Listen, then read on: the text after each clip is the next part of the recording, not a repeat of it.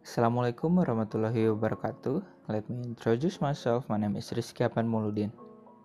I will responding to the answer from group 5. I agree with them, but I would like to, to add an answer to the question from Octavia first. Many studies have been done to see the stability of a personality. In the 60s, psychologist Walter Mischel discovered that the action a person takes actually depend on the situation rather than the personality. And other research has also found that personality can change according to the development and self-motivation of the person.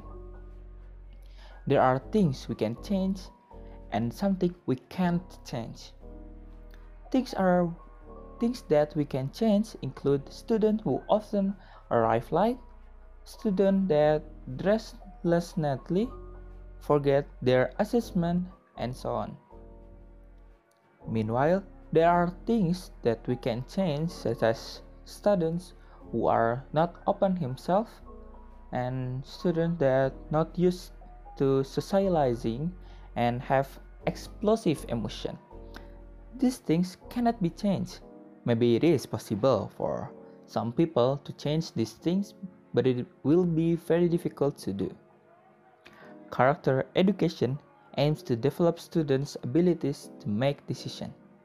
The formation and development of character as an educational effort is expected to have a positive impact both in on individuals and on their environment.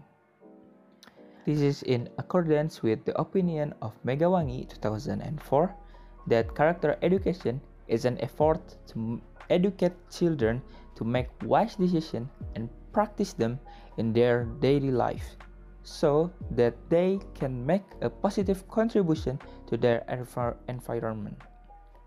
And also, I will respond to a question from Tiffany.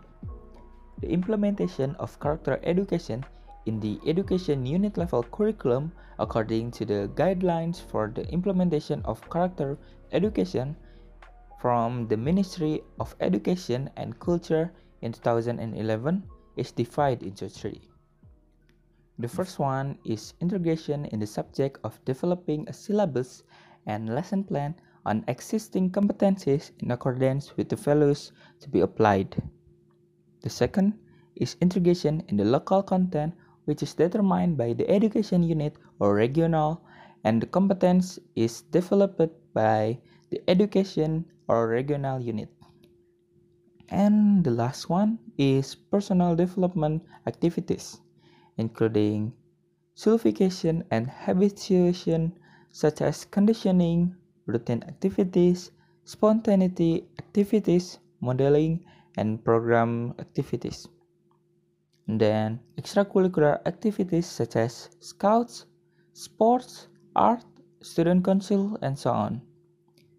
And counseling guidance, providing service for students who experience the problems. And that's my response to question from Octavia and Tipani. Thank you for listening this. Assalamualaikum warahmatullahi wabarakatuh.